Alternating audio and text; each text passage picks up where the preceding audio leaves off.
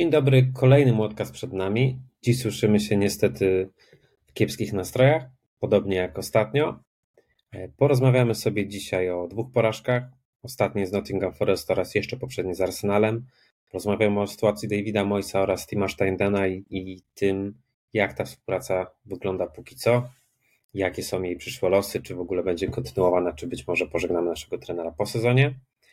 E, porozmawiamy sobie o kolejnym meczu z Brentford i zaczynamy. Ze mną jest Łukasz Papuda i Piotrek, który debiutuje z nami. Cześć chłopaki. Cześć. Siema. Dobrze, no to panowie, zaczynamy od e, spotkania z Forest. Przegrana 2-0. Czy są jakieś w ogóle pozytywy? Łukasz. Nie ma. Tak naprawdę liczyłem, że ten mecz będzie takim pozytywnym przełamaniem po, po meczu z Arsenalem, o którym też będziemy sobie rozmawiać. Niestety nie wykorzystaliśmy tej szansy na, na odbicie się po, po blamarzu. Tak naprawdę nie był to może kolejny blamaż, ale naprawdę kolejny słaby występ w, w tym roku. Ciężko mi znaleźć jakiekolwiek pozytywy po tym meczu tak naprawdę z Forest. Przegraliśmy 2 do 0 tylko, ale, ale tak naprawdę za, no, zupełnie zasłużenie i, i Forest kontrolowało ten mecz. W pierwszej połowie zagrali lepiej, a w drugiej jeszcze lepiej od nas. Jakby ta, ta, ta ich kontrola była jeszcze bardziej widoczna. Także e, no, ten mecz po prostu świadczy o tym, że jesteśmy w dużym kryzysie, w dużym dołku. Ciężko szukać pozytywów. Mówiliśmy dużo o tym, że brak Kudusa nam przeszkadza, że brak pakety teraz trochę w tą stronę to e, te tłumaczenia idą, ale chyba ciężko to wytłumaczyć. Nie wierzę, że jak taki jeden paketa wróci do składu, to nagle West Ham zacznie grać lepiej. No jest jakiś poważny problem, ale żeby aż tak nie być pesymistycznym, no to warto też mieć na uwadze, że tych takich dołków mieliśmy już trochę w ostatnich latach i West Ham nigdy nie gra cały czas dobrze, nie? No to, to jest jakaś sinusoida zawsze i, i te dobre momenty, one się wydłużają czasem na tyle, że nawet udaje nam się zająć siódme miejsce w lidze, ale czasem e, niestety są zbyt krótkie. Mieliśmy ten krótki moment w tym sezonie, gdybyśmy grali tak od początku sezonu, byłbym bardzo, bardzo zmartwiony. Gramy tak w tym roku, dopiero od, od stycznia, więc mam nadzieję, że jest to jakiś chwilowy, chwilowy kryzys. Naj, największym problemem, jaki mam z tą sytuacją, jest, jest to, że nie mamy za bardzo pola manewru, jeśli chodzi o, o zmiany. Jakby ciężko mi sobie wyobrazić jakąś reakcję stanowczą ze strony Davida Moisa, jeśli chodzi o personalia, bo, e, bo nie mamy piłkarzy tak naprawdę na ławce. Więc to na pewno jest duży problem, z którym będziemy musieli się zmierzyć. E, co do, co do meczu z Forest, no kolejny fatalny występ Aguerda. Wydaje mi się, że o naszej obronie trzeba będzie trochę gorzkich słów powiedzieć. Zuma i Agert grają słabo i to zazwyczaj Agert był tym słabszym, teraz Zuma wyrównał się z, z, z Agerdem i naprawdę nie widziałem go w tak słabej formie od, od, od kiedy dołączył do West Hamu, więc to, to jest ciekawe, martwiące. Mm, ja mam wrażenie, że on czasem miewa niezłe fazy w spotkaniach i wydaje mi się, Forest do zawalenia bramki, to on miał tam parę sytuacji, gdzie na wyprzedzenie dobrze poszedł, czy, czy gdzie jego rozegranie, które zawsze wiedzieliśmy, że jest niezłe, też powiedzmy było zauważalne, tylko on strasznie często doprowadza, e, to znaczy inaczej, jego błędy bardzo często kończą się bramkami dla rywali. Po prostu rzadko kiedy jest błąd, który mu idzie płazem. Jak on popełnia błąd, to jest to gol dla rywali. Mam wrażenie, że hmm. nie potrafi, rzadko ma takie mecze, gdzie jest, gdzie zapominasz o nim, bo jest bezbarwny. Tylko ma mecze, bo ja naprawdę, póki, póki ta bramka nie padła, gdzie on jej faktycznie łatwo sobie z nim poradził, jednak znając charakterystykę takiego zawodnika, wiesz, że on cię będzie chciał wziąć na plecy i odwrócić się z tobą. Także tutaj Ager dość, dość naiwnie przy takim profilu się zachował.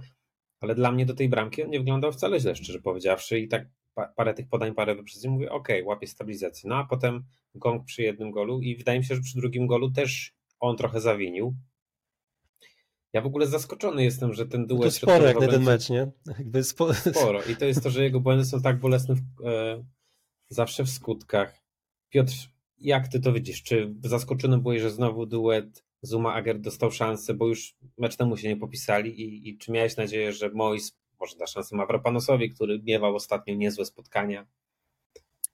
Ja ogólnie mam problem z duetem Zuma i Agert, gdyż oni dla mnie są tak od siebie różnymi zawodnikami, że teoretycznie, gdyby zrobić z ich dwóch najlepszych cech, w sensie z najlepszych cech Zumy, najlepszych cech Agerda, powstałby topowy obrońca, ale przez to, że te ich pozytywne cechy są rozdzielone na dwie części, no to mamy jednego obrońcę, który jest dosyć dobrze ustawia się z tyłu. Może wolno biega, ale dobrze ustawia się z tyłu, czyli Zuma. I mamy trochę szybszego, dobrego, dobrego w rozegraniu Agerda. I niestety, jak się ich ustawi obok siebie, to oni bardzo często nakręcają siebie do tych błędów. To jest dla mnie po prostu ewenementem, że da się grać gorzej niż duet Dawson-Diop, jak był chyba w sezonie 20-21, jak Ogbonna doznał kontuzji. Jak zobaczyłem to wtedy, to pomyślałem, że koniec, już ten West Ham nie wróci z takimi słabymi obrońcami, ale marokański Rolls-Royce się objawił w pełnej okazałości i ten mecz z Nottingham to było po prostu dopełnienie jego niesamowitej formy. Odkąd wrócił z Pucharu Narodów Afryki, West Ham nie strzelił gola, no to może nie jest jego wina, ale bilans bramkowy, który był, jest 0 do 11, no to jest zatrważające jak na jednego zawodnika, który wrócił tylko, nie? Krąży po sieci taka statystyka, jak nasze duety obrońców e, korelowały ze straconymi rąkami. I oczywiście tutaj wiadomo, że najczęściej oglądamy duet Agert Zuma, ale duet Ogbona Maverpanu zgrali parę spotkań razem i ani razu nie straciliśmy wtedy go. Nie wiem, czy to były dwa czy trzy mecze, więc nie chcę, wiadomo, że nie ma co z tej statystyki jakichś daleko idących wniosków wyciągać, ale dla mnie po tym Arsenalu potrzeba było odświeżenia, że nawet dla pokazania że jest w tym zespole rywalizacja i że po takim meczu jednak zmienić swoją szansę. Nie wiem, czy Mois chciał w ten sposób pokazać, że panowie wierzę w was, to jest wasza szansa na rewanż po takim blamarzu, na odbudowanie siebie, na pokazanie kibicom, że nadal wam zależy i że i macie szansę na rehabilitację, no ale, ale tego nie widzieliśmy. Hmm. Zanim przejdziemy do meczu z Brentford, o którym porozmawiamy później, to co wy teraz byście zrobili na miejscu Moisa, właśnie jeśli chodzi o zestawienie obrony i to całej linii, czyli bramkarz i cała czwórka? No właśnie, bo o reakcji Moisa warto, warto trochę nad tym się zatrzymać, bo co, co on zmienił względem składu e, z Arsenalem? Zmieniliśmy środek pomocy, tam zagrał Philips od, pierwszych, od pierwszej minuty za Soczka. On chyba jeszcze, no i Antonio oczywiście w, I Antonio w ataku. Za... Dosyć, tak. dosyć taka szybka, to był szybki powrót, to był Antonio. Wydaje mi się, że nawet za szybki, bo on naprawdę, on zazwyczaj wygląda taki trochę jak taki zardzewiały piłkarz już w tym wieku, w którym jest, ale jednak w tym spotkaniu wyglądał wybitnie źle i wydaje mi się, że trochę można to zgonić na, na fakt, że wrócił dopiero po kontuzji, więc no to pierwsza dosyć dziwna decyzja Davida Moisa, żeby go od razu do pierwszego składu wrzucić. Ten środek pomocy, moim zdaniem spoko pomysł, jakby tok myślenia, żeby jednak Philips za, za Sołczka, jakby taki był plan, jak ściągaliśmy Philipsa, nie miał najlepszego startu, ale też ja, ja jestem zdania, że on aż tak źle z drugiej strony nie grał. To... Na papierze też dla mnie ta no. zmiana no. w środku pomocy i danie kogoś bardziej do gry piłką kreatywnego się spinała. Dokładnie. E, nie zagrał Johnson, którego trochę chwaliliśmy ostatnio. Nie, więc jak, ja nie, niektóry, w sumie rozumiem, ja nie jestem jakimś fanem Johnsona, nie, ale jeśli wprowadzasz piłkarza do, do składu, który ma jakiś tam przebłysk i, i dobrze wygląda i, i, na, na tle bardzo słabej drużyny i słabych występów, no to trzeba go budować dalej. Nie? A wydaje mi się, że tutaj takie trochę dziwne te decyzje e, Davida Moisa, jeśli chodzi o reakcję. No i ten, ta pomoc z Philipsem też zauważyłem, że bardzo mocno weszliśmy w pressing w pierwszych minutach tego spotkania. Jakby wydawało mi się, że te polecenia, zadania są bardzo nastawione na pressing i oni biegali dużo w pierwszych minutach, a ta, i, ta, i ta energia bardzo szybko z nich zeszła i potem już po prostu był ten środek bardzo dziurawy, więc też zanim obrona, nie, to bym jeszcze myślał nad tym środkiem, może nawet nie personalnie, ale taktycznie, żeby coś z tym zrobić, bo Phillips, Alvarez i, i, i James Ward-Prowse jakoś to nie, nie zadziałało za dobrze, mimo że nazwiska są spoko, jakby na papierze, tak jak mówiłeś, to, to się zgadza i, i się uzasadnia, ale, ale zupełnie nie działało. A w obronie właśnie wydaje mi się, że David Moyes szuka stabilizacji, nie? więc on, on niechętnie by tam pewnie zmieniał piłkarzy, ale trochę musi, przez to, że Agert go zmusił wieloma takimi bardzo słabymi występami do tego, żeby szukać, szukać alternatyw, no, ale Mavropanos też nie dał aż tyle pewności, żeby, żeby na niego postawić od początku. E, więc no, no, nie wiem, no, szczerze mówiąc, ja bym próbował budować Zumę, bo Zuma to jest jednak jeden z lepszych piłkarzy, jakiego mieliśmy w ostatnich latach tak naprawdę. Uważam, jest z lepszych transferów, bardzo solidny, więc ja bym go nie skreślał po paru słabszych występach, biorąc pod uwagę, jak długo prezentował dobrą formę. No ale czy Agert Mavropanos tutaj, tak jak Piotrek mówił, nie, że może, może oni nie pasują do siebie po prostu i, i nie ma. Uważasz, Piotr, że Mavropanos byłby lepszym partnerem dla, dla, dla Zumy? Mavropanos moim zdaniem to nie jest zbyt udany transfer West Hamu, gdyż była rozmowa z Tomkiem Urbanem na West Ham Poland. I, znaczy, pytaliśmy się go, jakie on ma zalety, Mavropanos, nie? czy coś w tym stylu. I było powiedziane, że on nie jest e, może najbardziej spokojnym obrońcą, najbardziej stabilnym, ale potrafi to nadrobić. I jak usłyszałem to, przeczytałem tak właściwie, to zapaliła mi się czerwona lampka. To nie jest chyba typ obrońcy, którego potrzebujemy w West Hamie. To znaczy, powinien tutaj przyjść ktoś, kto uspokoi wszystkich. Od lewej obrony po prawą obronę, środek obrony. Dawno nie mieliśmy kogoś poza Zumą, który jak był zdrowy, to był dobry, ale dawno nie mieliśmy kogoś, kto wprowadził taki spokój. I dodawanie kolejnego dynamitu, który może wypali, może nie, moim zdaniem to była błędna decyzja i teraz to widać, bo Mavropanos miał dużo okazji, żeby się wykazać, bo Aguert a to wypadał za czerwoną kartkę, jak z Chelsea, a to miał kontuzję, co też mu się zdarzało, a to leciał na Puchar Narodów Afryki. No jak tutaj było wspominane, wchodził ten Mavropanos, czy dało coś więcej, no może ten jeden czy dwa mecze z Ogbonną były ok, reszta? Niestety Aguert ma bardzo słabych rywali w walce o skład i będzie grał dalej. Dynamit to lepiej, żeby nie wypalił ten Mavropanos. Nie, masz rację, też się zgadzam, że. Znaczy, nie oglądałem go w Bundeslidze, więc nie wiem, czy on rzeczywiście jest takim elektrykiem, nie? Ale, ale mamy problem z, z niepewnymi obrońcami. Pamiętacie Issa Diopa, nie? Ile mieliśmy dyskusji na jego temat na Messengerze zawsze. Dużo, dużo żartów. Bo, no, mamy tu po prostu takich środkowych obrońców, jest duży problem. No nawet, też... jak był, nawet jak był, przepraszam, że słow, nawet jak był Dawson, też chwalony przez wszystkich kibiców. No nie? był bardzo elektryczny też. No, no właśnie. Kiedy mieliśmy ostatni obrońcę, który był oazą spokoju? No ten Zuma chyba, jak zapomnimy o paru ostatnich spotkaniach, gdzie jednak wsadził tak. Philipsa na konia, to on chyba był najspokojniejszy. Matthew Upson chyba ostatni. Dość daleko już sięgamy w przeszłość. To, to old school, to przed moimi czasami, to ja to tylko kojarzę ze skrótów 2010 Mistrzostw Świata, chyba z Niemcami gola strzelił, czy coś takiego. Bo, e, Nie wiecie, co jeszcze mar znaczy martwi. Sytuacja jest taka, że Agert prawdopodobnie nas opuści. Nawet Roshane Thomas mówił w podcaście niedawno, że, e, że parę sytuacji się na to złożyło. Jedna jest taka, że jak mieliśmy dość dotkliwy kryzys w zeszłym sezonie, wtedy Agert nie grał z powodu kontuzji długi czas, to on był podobno bardzo wokalny i jeśli chodzi o wyrażenie swojego niezadowolenia, nie poprawiała to atmosfery. Kolejne jest to, że podobno on miał szansę wyleczyć się na jakiś ostatni ligowy mecz przed wyjazdem na Puchar Narodów Afryki, ale tam widać było, że nie pała, powiedzmy, że bardziej mu zależy, żeby jechać zdrowym na Puchar Narodów Afryki, aniżeli żeby się wyleczyć na ten mecz ligowy. E, I słychać też głosy, że Mois nie do końca jest zadowolony z tego, jak się Agret zaadaptował. Właśnie brak stabilizacji i ta skłonność do błędów, które są bardzo kosztowne. Także to, że jest, już teraz było duże zainteresowanie z krajów arabskich, e, więc podobno Mois jest gotowy po prostu go sprzedać za jakąś podobną kwotę, za jaką kupiliśmy. I to też ex potwierdzał to, że, że gdzieś ta relacja właśnie z powodu tych faktów, z powodu tego, że te, te jego błędy są kosztowne i, i, brakuje mu stabilizacji pewności w obronie.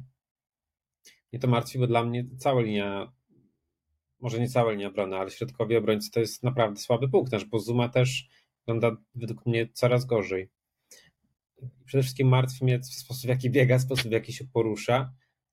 Jak weźmiemy do tego jego historię kontuzji z kolanami, no to boję się, że to jest kazus Winstona Rida, gdzie jak plecy puściły, to też już nie było piłkarza.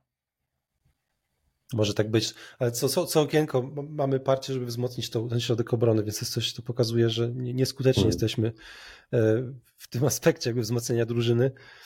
No, no 100% zgody. Znaczy, y, jeśli Agert... Pytanie, czy David Moyes będzie jakby sprzedawał, nie? Czy to będzie, bo, bo mówmy się, że też jego sytuacja jest dosyć niepewna i będziemy o tym jeszcze rozmawiać. Także do, co do tej przyszłości Agerda, to jeszcze bym nie był pewny, bo zmiana na, na fotelu menadżera może też zmienić sytuację Agerda.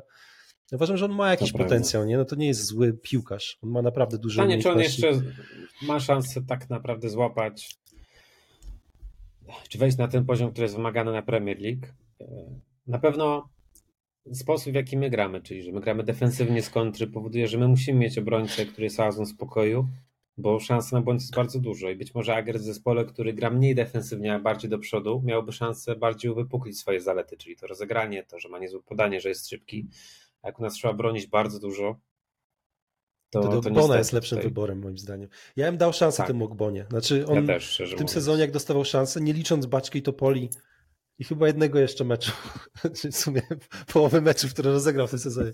No ale nie, miał też dobre momenty i wydaje mi się, że no co nam szkodzi, nie? Znaczy gorzej, gorzej nie będzie, e, a trzeba też wysłać sygnał do tych podstawowych piłkarzy. Nie mówię, żeby skreślić Agerda, ale trzeba mu po prostu dać sygnał, że okej, okay, no stary, nie możesz tak grać, tu jest Ogbona, za, zaraz za tobą i on będzie grał, jeśli ty będziesz grał słabo, nie? Więc e, nie można znowu wystawić Agerda i Zumy. Moim zdaniem to by był błąd, żeby, żeby jakby iść w zaparte. E, hmm. Zgadzam się. Ja bym chętnie zobaczył duet. To znaczy, to trochę zalatuje desperacją. Po prostu po tak słabych występach dałbym szansę Mavropanosowi i Ogbonie. Powiedzcie, czy jakieś pozytywy z meczu Nottingham są do wyciągnięcia? Piotr. Trudne pytanie do Piotrka. Trudne pytanie. Pozytywy takie, że będziemy bez Philipsa grać, więc mamy już plus w następnym meczu. To może pogadajmy o tym Filipsie, panowie, jeszcze tak, zanim czy przyjdziemy... nie jest aż tak bo... źle, jak, jak statystyki sugerują, czy, czy tak jak wygląda to na papierze, bo mi się wydaje, że... czerwoną kartkę w ogóle, jeszcze trzymając się zupełnie tego meczu, bo hmm. moim zdaniem nie. Niezły, niezły wałek był, niezły wałek był, ale ogólnie to była bardziej za całokształt kariery, że tak powiem, w tym meczu, bo po prostu jak oglądało się tego Filipsa, to, to był najbardziej żenujący występ defensywnego pomocnika od czasów Sancheza może z Oxfordem, ale to tak dawno temu. Lub idąc nowoczesnym historią, y, poprzedni mecz z Arsenalem Alvareza też był fatalny. Ale to mi się tak kojarzyło, bo to był po prostu nowy standard, jak można źle zagrać w środku pola. I ta czerwona kartka może per se nie była zasłużona, bo ten drugi faul to chyba taki naciągany był. Y, czy tam za dyskusję to było, już nie pamiętam. Ale w gruncie rzeczy, moim zdaniem, należało mu to się, żeby po prostu wyszedł z tego boiska, bo się nie dało na niego patrzeć w tym konkretnym meczu. No jasne? No, tak, ale za dużo było, ale on nie odstawał jakoś bardzo. W sensie zagrał słabo, podobnie jak większość, większość drużyny. Trochę go bronię, bo jest taka prosta narracja teraz, że o czerwona kartka, tam zrobił karnego, no jakby, że, że jest tak bardzo źle. Wydaje mi się, ja widzę tam cały czas szansę na to, że on może zagrać w końcu dobry mecz, jak zejdzie z niego ta presja, jakby on przestanie się, no jest jakiś spięty bardzo, też nie grał długo, co swoją drogą też jest mm, odpowiedzialnością trenera, żeby zarządzić jakoś tego typu sytuacją, nie? że ma piłkarza, który nie grał przez rok, wziął go do, do drużyny, no jakby wystawiać go od razu w pierwszym meczu po przyjściu do drużyny, to za szybko, no tak mi się wydaje.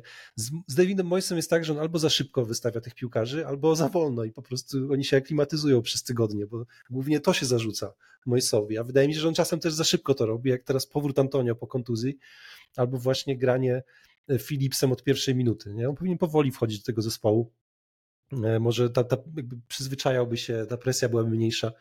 Nie wiem, ja, ja, ja nie sądzę, że aż tak źle zagrał w tych trzech, trzech meczach, i, ale no, ma po prostu ogromnego, ogromnego pecha. Dobrze, przejdźmy sobie płynnie do kolejnego meczu. Bo myślę, że o tym, co u nas nie działa, możemy tak naprawdę mówić nie tylko na podstawie tych spotkań ostatnich, ale, ale sześciu tygodni, bo bo w tym roku jeszcze nie za, żadnego punktu nie zabraliśmy. Blamasz z Arsenalem 0 do 6. Puch.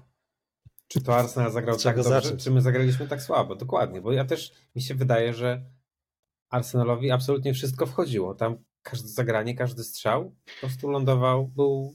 Trudno mi widzieć na przykład Areole za którąkolwiek z bramek. Wydaje mi się, że może za tą ostatnią, gdzie nawet jakiegoś nie rzucił się na, na alibi nic, e, ale jestem w stanie to zrozumieć, że już ręce mu opadły, dosłownie przenośni.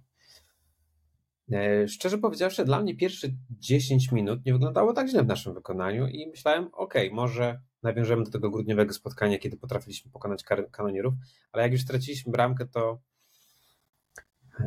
to, to drużyna zupełnie mam wrażenie, że się posypała i potem już tylko kanonierzy nas punktowali. Jak wy to widzicie? Czy, czy uważacie, że hmm, czy faktycznie widzieliście też początek, że był niezły, czy to może jest moja perspektywa i wcale tak to według was nie wyglądało? Do straty bram. Ja wiem, że to trudno się pocieszać takim argumentem, kiedy szóstkę dostajemy. No ja uważam, że, że, od początku była lipa, no ale wiesz, okay. jakby z Arsenalem też się nie spodziewałem dobrego początku, nie? Wiedziałem, że oni zdominują ten mecz, ale ale tak jak mówisz, wszystko im wchodziło. Ja miałem wrażenie, że oni nie wrzucili najwyższego biegu. Nie? Tak, chociaż nie wiadomo, ciężko to rozpoznać. Po prostu no, wygrali 6-0, więc zagrali dobrze, nie? ale jakieś takie miałem wrażenie, że to wszystko było na takim luzie dla nich, że zupełnie nie. No, no wszystko, wszystko im wychodziło, ale Wydaje mi się, że to była nasza wina. Bo no. dwie, stracić dwie bramki z, ze stałych fragmentów gry, nie? Jakby w pierwszej połowie. To było? Dobie chyba był w pierwszej połowie. Tak. I, znaczy to się nie zdarza West Hamowi. Znaczy ten West Ham w piku nie straciłby w ten sposób brak. Stracilibyśmy inaczej, ale nie, nie, nie z, ze stałego fragmentu gry. No to pokazuje, że my po prostu jesteśmy rozsypani zupełnie. I ten mecz to obnażył bardzo mocno, bo, bo zespół, który przyjechał na, na London Stadium po prostu miał, ma dużą, dużą jakość nie? piłkarską. Ja tam nie widzę żadnych pozytywów w tym spotkaniu. Bym się, bym się nie, nie pokusił, żeby jakieś znaleźć niestety.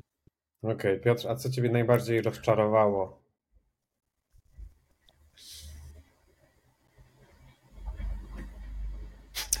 Piotr. Zaniasz, za nie mówiłem z, z tego meczu z Arsenalem, ale bardzo mnie rozczarowała postawa wszystkich środkowych pomocników. No i po prostu fakt, że tylu ich mamy, tych środkowych pomocników, i żaden z nich nie umie dobrze rozgrywać poza paketą, który też był wystawiony na skrzydle. Jest ta kwartet y, Sołuczek, Phillips, Alvarez y, i Ward Prowse, który też moim zdaniem w ostatnich tygodniach bardzo spadł z poziomem. To, co on prezentuje, to jest po prostu ciężko nawet opisać, bo o ile taki Sołuczek czy Alvarez coś tam próbują w defensywie mocniej, oni są też troszeczkę wyżsi, trochę bardziej masywniejsi, to Ward Prowse, kiedy już przestał dobrze grać do przodu, już nie wykonywał tak często takich podań, które fajnie było w tych widać tych jego pierwszych kilku meczach, teraz po prostu jest cieniem samego siebie i on jest jednym z architektów tej, tej porażki, tak właściwie. Chociaż moim zdaniem najniższy poziom prezentował Alvarez w tym meczu i po prostu fakt, że Mois go zdjął, to jest chyba y, najlepszy, najlepsze pokazanie E, jak on grał, bo to Moisowi się nie zdarza, żeby zrobić zmianę przed 80 minutą. On już w przerwie tak wiedział, zauważył, że, że... Alvarez może nie wytrwać, mając żółtą kartkę i, i, tam parę kopniaków poszło. Tam czerwona wisiała w powietrzu, jakby pograł dłużej, mam wrażenie. On tak jak Bambi na lodzie po prostu. W tym środku pola tyle dostawał poleceń od, od każdego i nic nie potrafił zrobić. Po prostu miał e, przepracowaną głowę za bardzo tam i no moim zdaniem e, to jest jego najsłabszy występ do tej pory w West Hamie i to niestety zdarza się u naszych piłkarzy coraz częściej. To znaczy, że był ostatnio najgorszy mecz Philipsa, najgorszy mecz Alvareza, Bowena też nie było widać od kilku meczów. Także mam wrażenie, że ten kryzys nie tylko jest spowodowany przez Moisa, ale nasi piłkarze też jakoś tak zniknęli albo przycichnęli. Nie boli to, że właśnie nawiązałeś do Bowena i to też jest coś, co ja chciałbym poruszyć.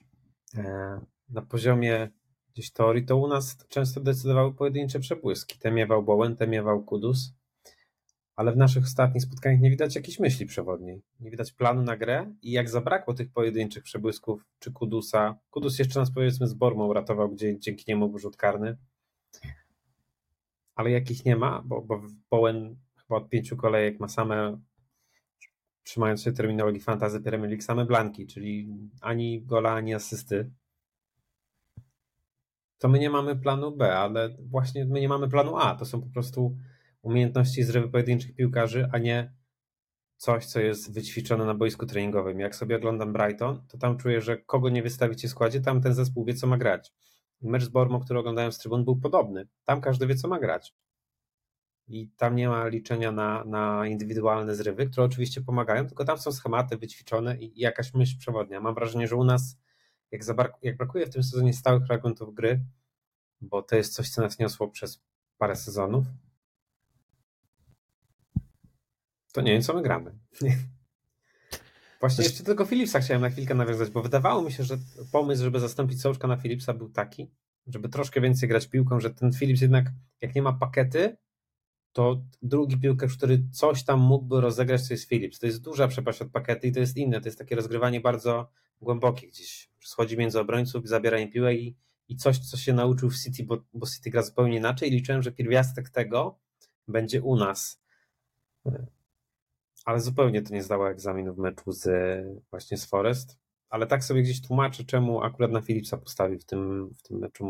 Zastanawiam się też z tym Philipsem, bo może to jest tak, że Bielsa potrafił z niego wcisnąć maksa i ten piłkarz nie jest aż taki super dobry, jak jakby kartoteka mogła sugerować, bo na papierze to jest reprezentant Anglii, piłkarz City, ale poza Bielsą, bo John, no okej, okay, w każdym też miewał niezłe mecze, może żeby, żeby mu oddać.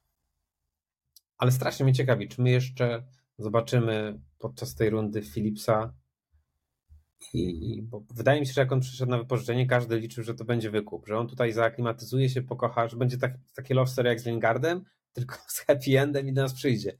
Na razie to uf, nikt nie myśli o transferze na stałe, no bo facet mało argumentów daje do tego. Nie troszkę martwi jego nonszalancja z piłką. E, chyba myśli, że to znaczy, wydaje mi się, że może nie jest świadomy, jak bardzo brakuje mu tego rytmu meczowego, bo miewa czasem zagrania po prostu lekkomyślne, właśnie takie nieprzygotowane, gdzieś nonszalanckie. Też, też myślę, że to jest brak ogrania. Znaczy uważam, że on, on gra na ryzyku, bo tak się nauczył i tak grał i u Bielsy i, u, i, u, i, i w Manchesterze City była też taka filozofia, no, ale żeby grać na ryzyku trzeba mieć po prostu 100% pewności, nie? że przytrzymanie piłki nie skończy się jej utratą. Jakby on, no, jakby głowa chce dobrze, ale, ale po prostu nie dojeżdża. Nie nadążają, nie? Pewnie tak, tak mi się wydaje. W ogóle kondycyjnie wydaje mi się, że ten zespół źle wygląda. Jakby to, jak, jak nam mało zeszła co para... no bo mamy króciutką kadrę. Ale wiesz, no nie masz tylu meczów. Była przerwa, jeśli chodzi o europejskie puchary. Mm. Tam było spiętrzenie w grudniu, nie? E, ale no nie wiem, jak, nie spodziewałem się, że ten kryzys taki wydolnościowy, kondycyjny, on przyjdzie już teraz, bo zazwyczaj przychodził już tak pod koniec sezonu, już tam się robiło cienko, kontuzje i tak dalej. A u nas i kontuzje są też, nie aż tak duże jak w innych drużynach, bo Liverpool weźmy na przykład tam, to jest, jest, jest dramat, u nas jeszcze aż tak źle nie Teraz jest. mamy tak naprawdę tylko jedną kontuzję. Z tak, no ale taką istotną dosyć, nie? prawda. Ale, ale jednak kondycyjnie bardzo źle wyglądaliśmy i najbardziej mi przeszkadzało w tym meczu w Arsenalu, z Arsenalem to, że nie, nie podjęliśmy próby, znaczy poddaliśmy się jeszcze w pierwszej połowie widać było, że tam już każdy chciał skończyć ten mecz. Już nikt nie był zainteresowany graniem. E, wiadomo, że jak dostajesz te cztery bramki, to ciężko, ciężko jeszcze w taki mindset wejść, że o kurczę, jeszcze może chociaż strzelmy tego jednego gola, ale, ale naprawdę odpuściliśmy. I z Forest tak samo, jak, jak przegrywaliśmy 0-1, to reakcją była jeszcze słabsza gra tak naprawdę. Nie było jakiegoś tam podjętej próby. I wydaje mi się, że głową też przegrywamy te mecze, że tam coś po prostu się przestawiło. Nie jesteśmy w stanie odbijać wyniku i, i po prostu, nie wiem, ta motywacja chyba też, też leży. Ja tu jeszcze dodam, że po prostu moim zdaniem te mecze w dużej części też są przegrywane przed ich rozpoczęciem. Jak zobaczyłem ten skład na Arsenal, w którym było dwóch atakujących piłkarzy, no to już było wiadome, że oddajemy Arsenalowi pole działania, to znaczy, że będą mieć więcej posiadania piłki. No i to był przepis na katastrofę akurat w tym przypadku. Nie, nie stał się cud jak w tym y, poprzednim meczu na y, The Emirates, gdzie Ogbona zamienił się w Maldiniego. Tylko po prostu my z tymi dwoma biednymi napastnikami i tym biednym Johnsonem na prawym skrzydle, na lewym skrzydle wystawionym, to swoją drogą też jest niesamowita decyzja Moisa, że siedział nad tym Johnsonem, skubał mu te minuty tak po 5, po 10 i teraz go wsadził na, na skrzydło. No to ja na miejscu Johnsona bym się na serio zastanowił, czy opłaca się ten nowy kontrakt podpisywać żeby tutaj Co byście na miejscu Korneta zrobili, jeśli Mois wystawia na twojej pozycji lew, prawego obrońcę? To... Może nadal go wprowadza z powrotem po kontuzji, Jak? po prostu tak długo, trzeci rok, y, drugi rok. Ale Kornet z Forest... słuchajcie, jego, jego akcji stać. No ale Kornet z Forest, panowie, to była najgorsza chyba zmiana, jaka, jaka, jaka w ogóle się dokonała. W, ty, w, w, tym, w tym sezonie to na pewno.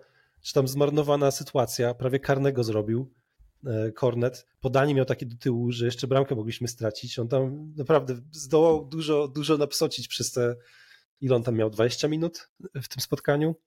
Chyba z 15, ale to był niesamowite, jak można tyle zmieścić w 15 minut, że można 10 różnych rzeczy o nim powiedzieć, a Antonio grał przez, przez 70 i w sumie tylko, że zmarnował jedną okazję. To jest jakiś wyznacznik, jak zawodnicy grają w tym sezonie, nie? A to też pokazuje, jak bardzo wielopoziomowy jest ten nasz kryzys, bo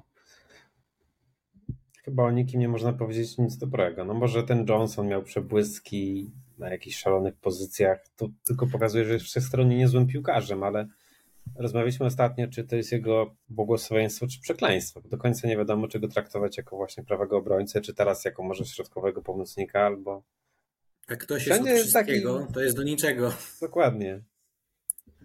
A w ogóle nie zrobimy Chyba z niego piłkarza. jest taki, że trudno, trudno. No, Z, z tym gdyby nie on, to Johnsonem, byłyby bardziej, bardziej, mam wrażenie, dotkliwe te porażki w ostatnich meczach. prawda, szczególnie z Forest. punkt. Z Forest, tak.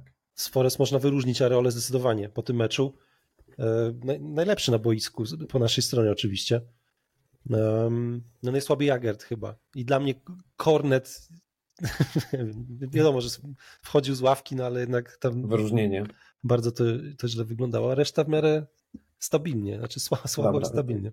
Zanim sobie przejdziemy do Moisa, to powiedzcie, e, w zasadzie może teraz pogadajmy o tym meczu z z Brentford. Co możemy zmienić, żeby było lepiej, bo wydaje mi się, że jak wystawi znowu Mois ten sam skład, to będzie zła wiadomość wysłana i w Eter, i do szatni. Jak, jak nie da z, po takiej kiepskiej pasie szansy komuś innemu. Bramce wydaje mi się bez zmian, ale linia obrony. Powiedzcie mi, jak, jak tą czwórkę byście personalnie mm, wybrali? Piotrku, zacznijmy od ciebie może. Ja na pewno bym nie trzymał się Bena Johnsona, bo nawet jeżeli miał dobre kilka tygodni, moim zdaniem co ufa w tym sezonie o wiele lepiej niż w poprzednim i on powinien zostać. Na lewej obronie to wiadomo, że Emerson zawsze daje takie mocne 7 na 10 co najmniej. I ten środek bym mimo wszystko zostawił Zoomę i modlił się, że jakimś cudem przypomni sobie, jak się dobrze gra i może z Brentford nie będzie musiał tak biegać tym swoimi krzywymi nogami. A obok Zoomy bym dał Mavropanosa mimo wszystko. I myślę, że ta czwórka to też nie jest idealne ustawienie, bo ci piłkarze, każdy ma jakiś spory defekt, nawet Emerson, ale na Brentford może to wystarczyć na pewno, yy, bo my ten mecz gramy u siebie, tak? Tak mi się wydaje. Okej. Tak, w poniedziałek. No to właśnie, jak, może Sobotę. to jest taki. Nie, w poniedziałek chyba. Wydaje mi się, że to jest poniedziałkowy mecz, ale na szybko sprawdzę.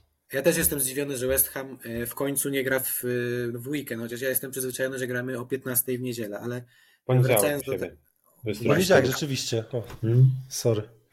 To idealnie po pracy można się zdołować bardziej. Przynajmniej Lepiej tak niż weekend. O właśnie. Okej, słuchajcie, w pomocy przy czerwonej kartce dla Philipsa chyba specjalnie nie mamy możliwości jakiejś rotacji, no bo to zapewne będzie Alvarez, e, Sołczek i Ward-Prowse. Tak, no nikt, nikt inny, znaczy to jest też straszne, że tak naprawdę kto, kto inny mógłby zagrać. E, Nie, nie ma za Ben bardzo... Johnson, ale Alek no- Kral albo Flynn Downs, jakby nie wiem, czy Albo transportowali. A Łukasz, jeszcze jak, jak ty byś zestawienie obrony, zanim przejdziemy do, do przodu, zestawienie obrony, jakie ty byś widział? Ja bym odpalił protokół Ogbona. Ja bym po prostu wziął Ogbona. Um, on ma, on, nie wiem, jakoś wydaje mi się, że też mógłby na drużynę wpłynąć mentalnie, nie? że to jest taki piłkarz, który jest ważny dla szatni, może jakby obecność jego w składzie też w pewien sposób coś, coś przetasuje, bo widzimy, że ta zmiana Mavropanos Agert, Mavropanos Agert, że to nie do końca działa. Raz ten coś e, zrobi źle, raz tamten. Spróbowałbym tego Ogbona. E, Zuma, mimo, mimo słabego meczu, jednak bym go, bym go zostawił w składzie. Jakby, bo aż takiej rewolucji bym nie robił. Budujmy na, na, na jakimś tam szkielecie tej obrony.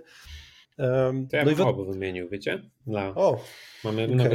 Ja bym postawił na duet Ogbona Marwa po nas właśnie. Ym, też, też spoko. to- to Też trochę bym był zadowolony. trochę No. w nadziei to, co powiedziałeś o Ogbonie, że wydaje mi się, że to jest ważna postać w szatni i mógłby zmobilizować partnerów, a Mavropanos, bo e, wyglądał powiedzieć lepiej to jest mocne słowo, ale nie wyglądał tak źle Mm. jak partnerzy, ale też nie dostawał szans ostatnio w tych blamarzach.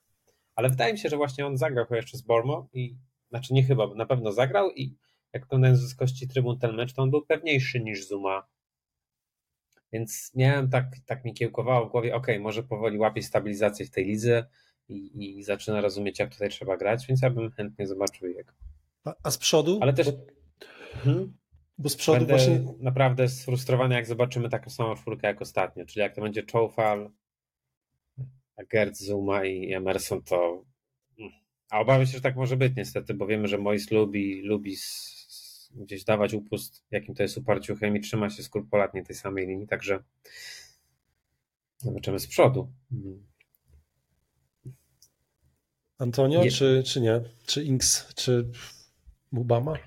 Inks to też jest ciekawy case, no bo jak wreszcie zagrał jakiś sensowny mecz u nas, no to potem już tylko z ławki jakieś ogony dostaje. Schowaliśmy go do szafy. To dziwne to bardzo. jest kolejna rzecz. Jak Fajnie zagrał. No, wysyła do szatni, że jak zagrasz wreszcie niezły mecz po, po tak naprawdę po roku, to przestajesz zostawiać szanse. Trudno mi zrozumieć te niektóre ruchy Moisa. E, Kudus Bowen i chyba X, tak myślę. A na stronach jakbyście to zrobili? Czy, bo jest ta dyskusja o tym, czy Kudus powinien grać na prawej czy na lewej. Lepiej się spisuje ja na chyba prawej. Bowena. Hmm, ja chyba wolę Bowena na prawej. Bo Bowen na lewej, znaczy on gra czasem, oni się tam rotują, nie? ale Bowen to Mhm. raczej prawy jest e, napastnik. I schodzi do środka na lewo. No i właśnie postawimy na to rotację. Ale to też pokazuje, jak ta kadra jest niesamowicie złożona, że zostało nam de facto czterech atakujących, dwóch środkowych napastników, a jedyni skrzydłowi, którzy są, to są dwaj lewonożni. Jak ułożyć drużynę z Hmm. dwoma lewonożnymi skrzydłowymi? Katastrofa Prawie. po prostu.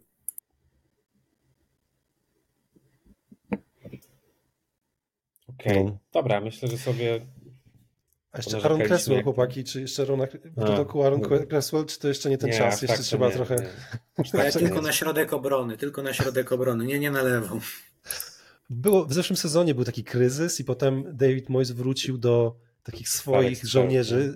Wrócił Antonio, tam, bo Skamaka wcześniej grał, nie? Wziął tego Antonio, Mhm. Fornalsa, odkurzył Cresswella i zaczęliśmy dobrze grać, nie? Tylko wtedy był wybór też, patrzcie jaki był wybór wtedy, jaki jest teraz. E, no, Zastanawiam się, czy może taki Aaron Cresswell jeszcze mógłby być jakimś takim bodźcem, żeby, żeby coś tam się przetasowało, no ale za Emersona to raczej nie, nie ma sensu dla mnie. Okej. Kto jest najbardziej winny tej sytuacji? Tego, że mamy kryzys, tego, że mamy tak wąską kadrę, tego, że mamy właśnie dwóch lewonożnych skrzydłowych, a żadnego prawonożnego. Czy to jest David Moyes, czy to jest David Sullivan?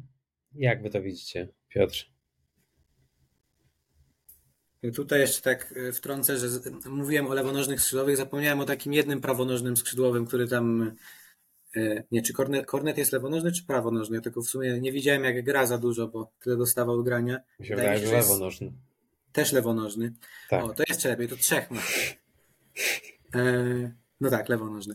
E, moim zdaniem winnym jest e, David Moyes, ale nie chciałbym jego głowy jeszcze w tym sezonie, ale w lato powinien tu się pojawić ktoś nowy, ktoś ze świeżą głową, bo David Moyes może jeszcze nie wpływa na regres West Hamu, ale trzymanie go z każdym sezonem zwiększa szansę, że my powoli będziemy się zwijać do poziomu, jaki prezentuje teraz mniej więcej Everton że już nie będziemy tym gorącym kąskiem na, dla zagranicznych piłkarzy, że już nie będziemy mieć tego mm, punktu przyciągającego w postaci europejskich pucharów i zostanie nam tylko, no co, sprowadzanie od ochłapów z większych klubów, a o jakichś takich gwiazdach jak Kudus czy Paketa będziemy mogli zapomnieć. Tutaj trzeba działać szybko.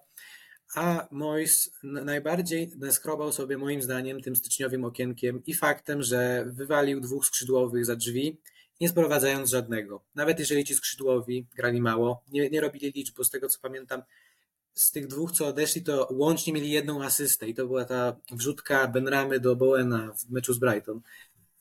Ale niezastąpienie tych dwóch piłkarzy, swoją drogą bardzo ważnych dla West Hamu w ostatnich latach, to jest pokazanie, że on na tyle ma wysublimowany gust wobec piłkarzy, których chce sprowadzić, że może za jakiś czas nie będzie sprowadzał nikogo, bo mu się nikt nie spodoba. Katastrofa to by była. Pytanie, czy to on zablokował, bo ja właśnie czytałem dużo o, o tej sytuacji z ostatniego dnia okienka transferowego i na KUMB był taki, takie podsumowanie, że, że to, to było tak, że David Sullivan, Tim Stein pracował nad tym Osmanem przez dłuższy czas. On go tam znalazł, jakieś tam inicjował kontakty i tak dalej. Potem już naprawdę te negocjacje doszły do, do momentu takiego zaawansowanego i David Sullivan po prostu zablokował ten transfer. Po prostu za duże ryzyko, za duże pieniądze. I to było bardzo późno w całym okienku i, i David Moyes i Tim Stein podobno chcieli tego piłkarza. I potem, jak się, jak się okazało, że nie będzie Osmana, to chcieli zablokować odejście Fornalsa i, i Benramy. To jest dla mnie nowa Ja wiadomość, tak bo nie wiedziałem o tym, ale tak, tak pisał Paul Walker na, na KMB i on jest takim dobrym raczej źródłem. że, że, że takie do niego dochodzą słuchy. Nie? Więc jeśli taka jest sytuacja, że Steiden i Mois zostali zostawieni z ręką w nocniku e, w ostatnim dniu okienka transferowego, rzeczywiście tak to wyglądało. Potem te, z tymi papierami tam było zamieszanie i tak dalej. miał być jeszcze Dokładnie. W tym Więc meczu. widać było, że tam jest jakiś chaos totalny. Ja nie wierzę, że trener, i nie mówię, że Mois jest idealnym trenerem, broń Boże, nie chcę teraz wyjść na takiego obrońcę Moisa, ale ale jednak nie wierzę, że jakikolwiek trener zgodziłby się na taką sytuację, która zaistniała, więc tutaj trochę powrót jest po prostu tego dyktatora Sullivana, który na podstawie jakichś tam e, jakichś opinii swoich znajomych, kolegów z branży po prostu zmienia nagle decyzje i blokuje pewne transfery. I teraz, jak mamy tą dyskusję o tym, czy Tim Steiden zostanie w West Hamie, czy jest zadowolony z, z jakby z, całej atmosfery i tak, swojej, swojej zakres odpowiedzialności w West Hamie, bo są tam Jacob Steinberg też donosił, że są jakieś problemy z tym. No też, też tak wszyscy od razu mówią, że to jest problem z Davidem Moisem, a ja bym nie pomijał w tej dyskusji Davida Sullivana, bo znamy go przecież z tego typu akcji. To jest bardzo ekscentryczny właściciel, a teraz jeszcze nie filtruje go David Gold, bo, bo już Davida Golda nie ma. A, a zawsze taką funkcję pełnił. Tak, Zobaczcie, my już mieliśmy podobne styczniowe okienko. E, to było chyba 3 czy 4 lata temu, kiedy nawet przez długi czas jeszcze w sezonie były widoki na Ligę Mistrzów. E, kojarzycie, że my tam o czwarte miejsce walczyliśmy, potem chyba Oj, to był sezon. To było straszne. Był, był mecz z Brighton, który musieliśmy wygrać na sam koniec sezonu. E, Benrama no, chyba strzelił. chyba przyjęliśmy, nie? Czy, czy, czy zamówię? Nie, wydaje mi to był mecz, zremisowaliśmy z Brighton, wtedy Dany Welbeck nam strzelił gola, Ben Rama wyrównał w końcówce i tak... Z dystansu. Ja na, tak, mhm, ja tak, tak, na kolanach oglądałem tą końcówkę, żeby strzelili gola, no i potem te szanse spadły, ale właśnie to, co było wspominane, że to styczniowe okienko 2021, poza Lingardem, no to moim zdaniem za słabo był wzmocniony wtedy ten zespół. I tutaj tak samo jest szansa, żeby utrzymać ten pozytywny trend, zakwalifikować się trzeci rok po kolei do europejskich pucharów, a my stoimy w rozkroku z ręką w nocniku i zostajemy z tak wąską kadrą, a jeszcze mamy dwa fronty do grania i to takie niezłe fronty, bo perspektywy na puchary w lidze są. Ta Liga Europy moim zdaniem też jesteśmy w stanie nią wygrać, jeżeli zagramy tylko jeden mecz z Liverpoolem na przykład, albo jeden mecz z Bayerem Leverkusen ale jeżeli nie będziemy dobrze tego planować, to skończy się nasza bajka z europejskimi pucharami i wrócimy do dziesiątego miejsca i wynalazków na ławce. Też musimy zwrócić uwagę, że my musimy, e, powinniśmy wykorzystywać takie sezony jak ten, kiedy inne zespoły mają kryzys formy, bo i Newcastle nie wygląda dobrze, i Chelsea ma swoje problemy, i do niedawna Manchester United nadal tabelnia skład dopiero kolejkę temu prześcignęli, tak? Jeszcze, jeszcze niedawno byliśmy nad nimi. Więc to się wydawała idealna platforma, żeby scementować gdzieś to miejsce, powalczyć o europejskie puchary. I nie wiem, jak to czytać. Czy to jest brak ambicji, czy to jest sytuacja, gdzie Sullivan nie chce wydawać, bo jemu środek tabeli absolutnie wystarcza i nie ma takich ambicji, żeby walczyć o te najwyższe laury kosztem no nie jakimś dużym, no bo Osman, którego rzekomo mieliśmy dogranego za 18 milionów, to nie jest duża kwota w dzisiejszym rynku transferowym, umówmy się. A też to, co mnie zaskoczyło, to nie wydawał mi się profil, który by się spodobał Moisowi, a jednak były dość wiarygodne informacje, że i Steinden i Mois byli za tym transferem młodego skrzydłowego z Gany. Więc jak, jak to czytać? Czy to jest brak ambicji, czy to jest. Nie, nie wiem. Czy po prostu. West okay. Ham Way. To jest to West, West Ham Way po prostu, jeśli chodzi o transfery. Tylko zobaczcie, potrafimy zimą, wróć, latem potrafimy wydać naprawdę dużą kasę na pakety, na skamakę, na innych piłkarzy, i sam, i takie ruchy można wziąć jako oznakę ambicji klubu. A jednocześnie nie potrafimy w styczniu zrobić dwóch sensownych transferów, żeby tę kadrę uzupełnić. Ta niekonsekwencja i, i takie sinusoidy w gabinetach dyrektorskich są dla mnie zastanawiające. Ponadto wzbogacamy tę kadrę o dobrych piłkarzy, wróć, o dobrych ludzi ze sztabu, bo Steindna trzeba za takiego człowieka uznać. On sobie sprowadza swojego bodaj e, brata, tak, który też będzie w tym całym sztabie scoutingowym, szeroko pojętym, powiedzmy, czy, czy analitycznym.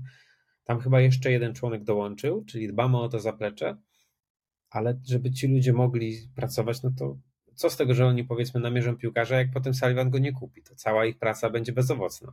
To jest niekonsekwencja na tylu poziomach. Ciekawe, nie, jaki jest motyw. No tego się pewnie nie dowiemy, bo nikt nie siedzi w głowie Sullivana. Ale Dokładnie. powiedzcie, jak, jak skończymy na powiedzmy dziewiątym, dziesiątym miejscu, to jestem przekonany, że Paketa odejdzie i jest duża szansa, że Kudus odejdzie.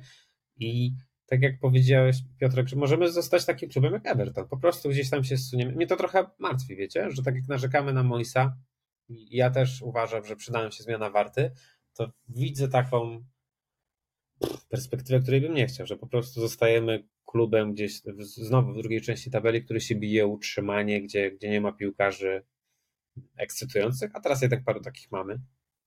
Jak pakiet odejdzie, że...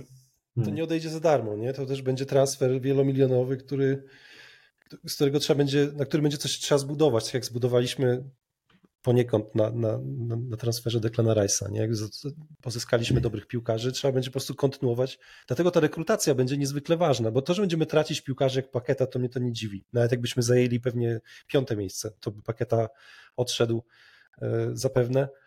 Więc, hmm. więc ja bym chciał, żeby ten scouting rzeczywiście działał lepiej i tu fajnie, że jakieś są ruchy, nie? że co, jest jakaś próba podjęta, żeby zmienić coś w transferach, które czasem nam wychodziły, czasem nie, nie? ale jest to jakaś zmiana.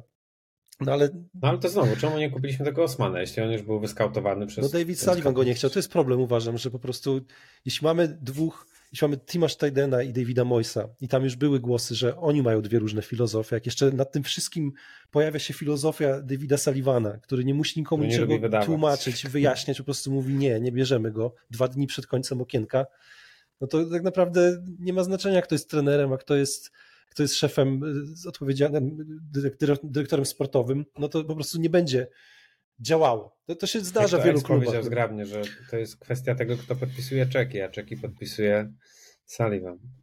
No, nie ma zaufania Lata chyba. Na no. Twitterze no. taki, taki śmieszny mem, jak jest Sullivan uchany, I'm not spending. I zawsze ostatniego dnia okienka po wielu kontach West Hamowskich gdzieś tam krąży.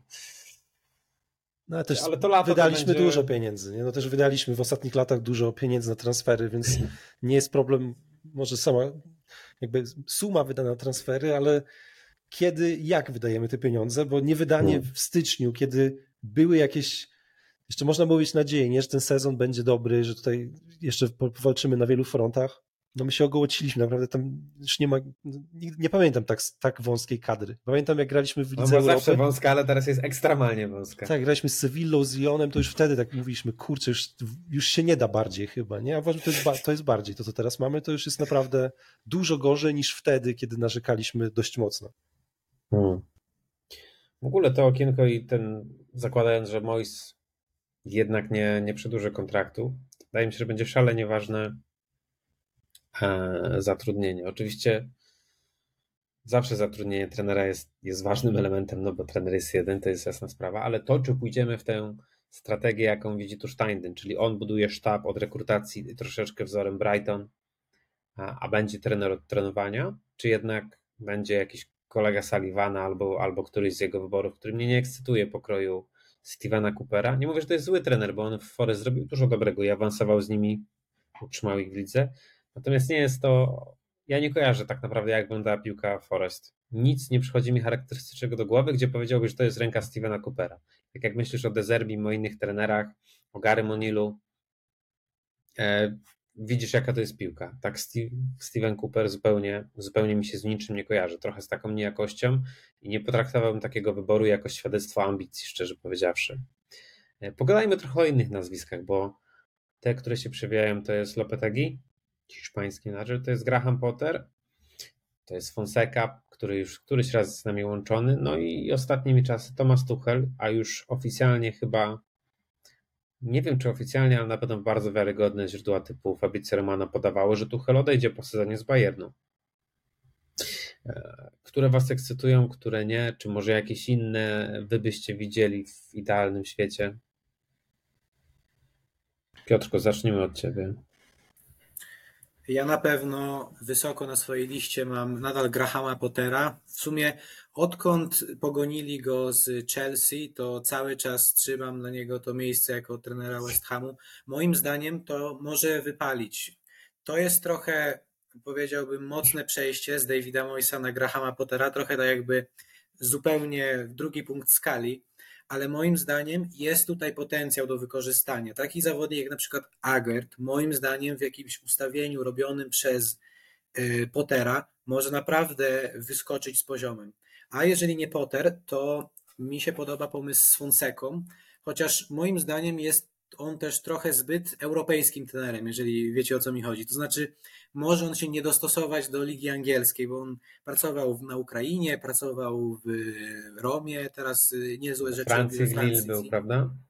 To ten y, y, skierowanie Tima Steidena na rynek francuski, całego y, ten, taktyki transferowej West Hamu i może być problem z przekształceniem jego idei grania w piłkę z tej europejskiej na taką, na taką angielską, chciałem powiedzieć polską, taką angielską West Hamową, ale te dwa nazwiska to jedyne, które moim zdaniem mogą jakąś wstrząsnąć tym środowiskiem, bo trzeba powiedzieć, że ta kadra już jest od pięciu prawie lat budowana przez Moisa i jest zrobiona idealnie pod jego rękę, nie? Więc żeby nowy trener mógł wprowadzać swoje idee, to też musiałby dostać nie dość, że dużo pieniędzy, to jeszcze dużo czasu, bo Mois dostał mimo wszystko dosyć sporo czasu. I porównując tą jedenastkę, którą mamy teraz z tą z jego pierwszego meczu, wydaje mi się, że został tylko Antonio, może w sensie w podstawowym składzie, bo tam na ławce to Cresswell się trzyma i tak dalej, ale nie ma Halera, nie ma Fornalsa, nie ma Diopa, nie ma Masuaku, to jest już kadra Moisa, nie ma nic praktycznie pozostałości z poprzedniego trenera? I czy jak nowy trener wejdzie, to czy będzie mógł od razu egzekwować swoją ideę, czy będzie musiał nadal się sprzątać śmietnik po Moisie, to trudna sprawa. Będzie, będzie mógł na pewno, ale też Mois sobie ten czas kupił trochę, bo on jest długo z nami, ale też pamiętajmy, jak, jak, jak była sytuacja, przecież jakby on jakby ta drużyna nie grała dobrze, to on by został zwolniony. No w ogóle jego posada była na włosku przez długi czas. On sobie zbudował pozycję tym, że zajęliśmy dość wysokie miejsce w lidze i potem były puchary i tak dalej, i tak dalej. Nie? Więc ten nowy menadżer, trener będzie miał czas, ale też nie jakąś nielimitowaną ilość tego czasu. Zgadzam się, że Potter może wypalić. To, to też to mi się wydaje, że z tych nazwisk, które są dostępne, bo też umówmy się, że raczej ta zmiana wydarzy się na koniec sezonu, nie? więc wtedy też te nazwiska się przetasują i tych pewnie jeszcze będzie dużo innych, innych typów i, i kandydatów, ale dla mnie ten Tuchel to jest ciekawa opcja. Nie wiem, czy realna, nie? ale jakbyśmy chcieli taki, taki statement zrobić o naszej ambicji, nie? Żeby pokazać, że ten klub ma, ma, ma jakieś tam e, że po prostu chce, chce wskoczyć na ten wyższy level, no to taki Thomas Tuchel byłby super, super wyborem. No, gość jest stopu, jeśli chodzi o, o nazwisko. Też zupełnie innych piłkarzy pewnie byłby w stanie e, sprowadzić do West Hamu. E, znowu, nie wierzę, że to się może wydarzyć, ale z drugiej strony no on się już w paru dużych klubach sparzył nie sądzę, żeby te takie topowe, topowe kluby teraz się za nim rozglądały, więc może on teraz będzie potrzebował właśnie takiego klubu jak West Ham, żeby wrócić, wrócić do gry. Jedyne co mi, i, i też jeśli chodzi o, o, styl gry, nie, to Tuchel to jest posiadanie piłki, to jest ten gegenpressing, e, takie, takie, taka zmiana, której wszyscy oczekują. Nie? Pytanie też, czy właśnie mamy piłkarzy, żeby, żeby taką zmianę wyegzekwować, ale to, co mnie martwi, to jego konflikty z właścicielami, bo on tak naprawdę w każdym, poza Mainz chyba, w każdym klubie jego przygoda kończyła się dużym dość konfliktem no, w Borussii z Wackę, w Bayernie e, teraz też tam coś się, no już tam jakieś kwasy się robią i tam nawet z Kimichem mają, podobno się tam gdzieś przepychali na treningu i tak dalej. E, w PSG z Leonardo przecież była ogromna bitwa, po której opuścił klub. E, w Chelsea z Todem Bellim przecież mieli, mieli otwarty konflikt, nie? więc ja nie sądzę, że David Sullivan to byłby akurat ten prezes, który by się z Tuchelem dogadał. Wydaje mi się, że tam też jest potencjał, żeby David Sullivan się zapisał do tej listy znienawidzonych prezesów. Wyobraźcie sobie ostatni dzień okienka, gdzie dwóch piłkarzy odchodzi i zamiast Moisa jest Tuchel. Żeby tam no, znokautował Sullivana. Ale myślisz, że to jest możliwe? Znaczy, czy dla was, bo tam się do, takie poważne źródła pisało o tym Tuchelu. Nawet więcej się pisało o Tuchelu niż o tym Fonsece. Nie wiem, zastanawiam się, czy, czy wy w ogóle wierzycie w tego typu... miałby to jakiś czynnikiem być. Tak. Wierzycie w coś ciekawy. Tro, trochę, znaczy zalatuje trochę Pellegrini, który też wydawał się być poza naszym zasięgiem, wydaje mi się. Był, były... Ale ja jakoś to chyba nie czuję, wiecie? E, to znaczy, okay. inaczej, nie, nie jest to nazwisko, które by aż tak mnie ekscytowało, bo wydaje mi się, że jest troszeczkę, okej, okay, on jeszcze nie jest starym trenerem, bo on jest przed pięćdziesiątką, ale wydaje mi się, że jest dość defensywnie usposobiony, a Nie? My chcemy zerwać z tym, dlatego jak słyszę Paul, e, Paulo Fonseca, to też jest trener, który dużo przykuwa uwagi obronie i, mi się wydaje, że wielu fanów dużo lepiej wspomina na przykład ostatni sezon na Bowling Ground, ten z Pajetem za starami, mimo że my tam mieliśmy chyba dopiero siódme miejsce, jeśli dobrze sięgam pamięcią, niż na przykład dwa sezony, jak mieliśmy szóste miejsce w lidze za Moisa, bo wtedy był futbol właśnie ofensywny. Tam nie było drużyny, tak i tak tam był jeden piłkarz, nie? który po prostu robił różnicę. Nie? Ja, ja, ja, wolę kurczę, ale ludzie, wiesz, były to ekscytacje. Oczywiście wiadomo, że ostatni sezon na, na Upton Park to jest osobna historia, ale zakładam, że jakbyście spytali y, dużą część fanbazy, to ludzie bardziej ciepło wspominają tamten sezon niż na przykład te Mojsowe szóste miejsca gdzieś. Także ciekawi, bo tam wydaje mi się, że tam było więcej atrakcyjnej piłki po prostu. No to na pewno atrakcyjnej. Sam Pajet przecież jak on grał, to, to zapamię- pytanie, zapadało czy, w pamięć. Nie? Czy my chcemy dobre, dobre miejsca, ale jednak zachowawczy styl gry i to, to szóste miejsce granie, graniem Mojsowym czy, czy innym obronnym nam pasuje, czy jednak chcemy być chcemy, żeby futbol był dla nas rozrywką i żeby piłkarze ok, jeździli na tyłkach, ale grali do przodu i wtedy, tylko tak znowu trochę było za Pellegriniego, bo tam często była gra do przodu, ale, ale w tyłach też były dramaty, więc oczywiście najlepiej byłoby mieć jedno i drugie. Hmm. Zastanawiam się to. Ja sam nie wiem, żadne z tych nazwisk, które są wymieniane dla mnie nie jest takim wow, że mówię. Wow, dla mnie chyba był, nawet nie wiem, czy jestem w stanie sobie, Gary O'Neill chyba, szczerze powiedziawszy, bo widzę, co robi z Bolmo, widzę, co robi z, z Wolves. Wolves też ma fajnych piłkarzy, uważam, że dość niedocenionych, ale czy Pedro Neto, czy Kunia, to są piłkarze na dużo większe granie niż, e, niż Wolverhampton. Szczególnie Pedro Neto. Wydaje mi się, że ten facet musi odejść gdzieś wyżej po sezonie, bo jest, jest to świetny piłkarz. Ale Gary O'Neill naprawdę robi świetną robotę, gdzie i to jak w ogóle pożegnano go z Bolmo też było trochę plaskiem w ryju, mówmy się. A poszedł do Wolves, facet i robi naprawdę, naprawdę fantastyczną robotę, więc takiego menadżera bym przyjął.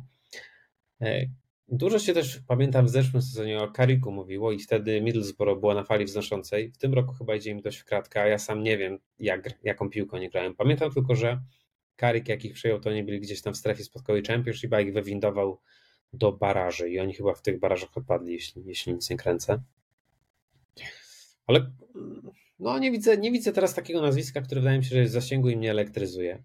Bo jak mamy znowu grać jakąś zgraną kartą typu Pellegrini i brać kogoś, albo zachowując wszelkie proporcje, tak jak polska reprezentacja wzięła e, Santosa, to ja nie chcę takiego, ja wolę jednak młodego, głodnego menadżera. Znowu gdzieś przewijało się nazwisko tego trenera Rem. E, Will Steel.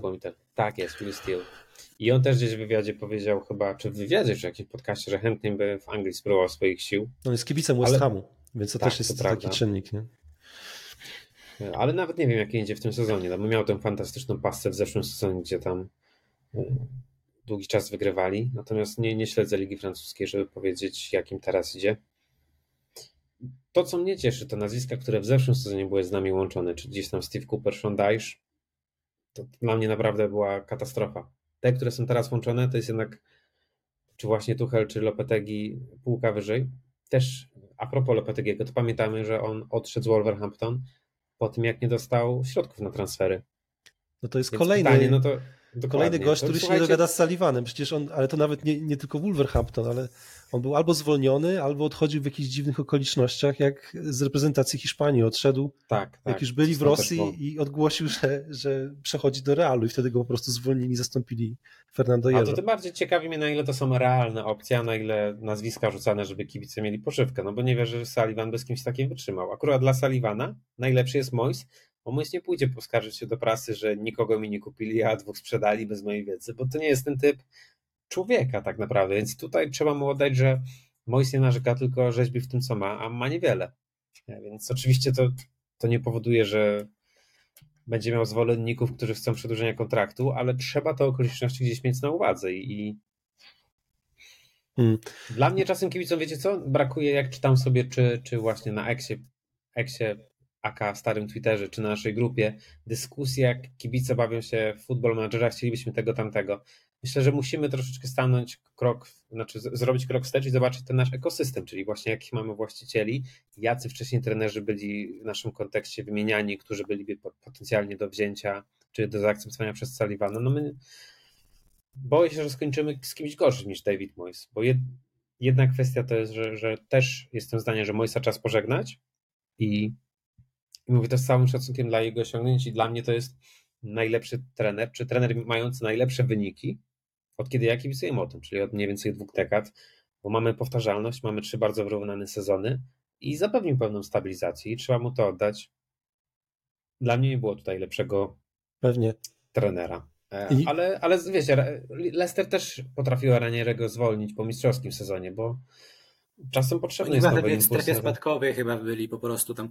Oni grali w Mistrzów, ale tak. prawie spadli, no. Znaczy, prawie hmm. spadli, hmm. no tym. Tak, chodzi o to, że gdzieś kończy się ten kredyt, który wypracujesz swoimi dobrymi występami. Ja pamiętam jeszcze, że Tottenham też zwolnił kiedyś Harry'ego Rednapa. Może to, to było, nie wiem, 12-15 lat temu. Jak chyba zajął trzecie, czwarte miejsce i awansowali do Ligi Mistrzów i też zmienili trenera. Więc nie można wiecznie za te, te, te zasługi gdzieś muszą się kończyć, tylko, tylko trzeba mieć jakiś plan na to, na to, co dalej. I ciekawi mnie właśnie ta rola Steindena. Powiem wam, że cały czas mnie ciekawi te, te plotki, które się ostatnio pojawiają, że on jest niezadowolony. Pojawiają się plotki o tym, że Liverpool był nim zainteresowany. Ciekawe, ile tam jest faktycznie rzeczywistego zainteresowania, a na ile to jakieś dziennikarskie kaczki. No właśnie mnie jest ciekawi ten Steinberg, nie? bo to jest gość, który jest bardzo znaną personą, jeśli chodzi o Premier League i takim wiarygodnym tak. źródłem i on jest bardzo płodny, jeśli chodzi o West Ham i nie miałem taką teorię spiskową, możecie się śmiać ze mnie, ale wydaje mi się, że widziałem to kiedyś już, dawno temu, jak David Sullivan testował różne rozwiązania używając Talksport do tego, bo on ma tam ziomka, e, takiego do, zaprzyjaźnionego dziennikarza i po prostu rzucał mu jakieś takie przecieki, on potem o tym mówił i potem kibice na to reagowali. Wydaje mi się, że taki Steinberg albo ten, e, jest ten gość z Clareton Hugh, który też, on się nazywa Hugh Sultan, który on też ma dobre relacje e, z Davidem no, to jest Sullivanem. To często Expo no tak. podkreśla, że jak Sullivan chce jakiś temat zastępczy wrzucić, żeby kibice przestali o czymś dyskutować, to właśnie ma, ma swoje tutaj, wiecie, psy bojowe, które Dokładnie. I... Ale dokładnie. I ale teraz Steinberg to nie jest ta persona, nie? To jest zastępca. Nie, ale on też był, był, byłby takim go-to person, nie? jeśli chodzi o tego typu przeciek, ale ten Southon przecież wypuścił ostatnią informację, że, e, że klub chce, żeby David Moyes dokończył sezon i decyzje zostaną podjęte po, po sezonie, ale jeśli ta, taka passa się przedłuży, no to już Tim Steiden pracuje nad planem B, nie? Więc to też tak. wydaje mi się, że może jakoś w pewien sposób no, te, być testowaniem wody. Nie? Jakby... Nawet Exa mówił, że jeśli kolejne dwa mecze będą porażkami, a teraz mamy Brentford, a potem chyba Everton, prawda? Jeśli się nie mylę. Burnley jeszcze mamy? Z Burnley, Brentford? Chyba Everton właśnie. Brentford też. jest teraz pierwszy na pewno. Tak, tak, tak, tak, tak. Mhm. No ale wydaje mi się, że wtedy byśmy postawili na rozwiązanie krótkoterminowe do końca sezonu, typu Johnny Haintinga, e, a dopiero potem latem zmiana. Ja też się zastanawiam, czy zmiana trenera na krótki termin to jest coś, czego tak właściwie my potrzebujemy, no bo... Jaki, jaki to ma rzeczy... efekt przynieść, nie? No właśnie, bo z gruncie rzeczy z ligi nie spadniemy już, no bo do Dokładnie. tej magicznej granicy 40 punktów, tam 4 punktów brakuje, to można jakoś przepchnąć ten z Barnley i z, no z Evertonem to będzie ciężko, z jakimkolwiek innym klubem, z Manchesterem City na przykład. E, to moim zdaniem to już nie spadniemy. Z Ligi Europy, nawet gdybyśmy grali na, tak jakby na szczycie swoich możliwości, też jest nie największa szansa, że wygramy, bo tam już są grube ryby. To nie jest tak jak ten poprzedni sezon, gdzie byliśmy w Lidze Europy, gdzie rzeczywiście mieliśmy perspektywy. Tutaj jest Liverpool, tutaj jest Milan, tutaj jest Bayer Leverkusen. Ciekawostka, że słuchajcie, dzisiaj Milan przegrał pierwszy mecz z Ren 2 do 3. A właśnie, oni przeszli dalej, bo, bo bo nie patrzyłem, czy przeszli dalej. Wiem, że ja liczyłem, że trafimy na Karabach w ogóle w tym y, losowaniu Oni jutrzejszym. z Bragą chyba, wiesz? Znaczy, bo wygrali, wygrali pierwszy mecz w Portugalii 4 do 2 i potem A. odrobili A poczekaj, straty... sorry, tak, dzisiaj 3-2 było dla Bragi po dogrywce, czyli Karabach przeszedł dalej. Okej, okay, to, to oby Karabach, wycieczka ogbonna na tych pastwiskach w e, Armenii, Azerbejdżanie, gdziekolwiek. A Karabach to jest Azerbejdżan. Nie, nie pamiętam. Tak czy siak. Tak. E, e, wracając do tematu, bo trochę. To wiecie co, możemy trochę... na chwilkę no, tylko bo... dzisiejsze wyniki. Kto przeszedł dalej? W meczu Karabach Baraga przeszedł Karabach, Freiburg przeszedł z Lens, Ren Milan. E, Okej, okay. tutaj mamy awans Milano, bo w pierwszym tak. meczu wygrali 3 do 0. I Benfica. Benfica z Toulouse, tak. I teraz jest mecz Marsylia Szachtar jest 1 do 1, a w pierwszym meczu było 2-2, czyli jest 3 do 3 jeśli chodzi o dwumecz.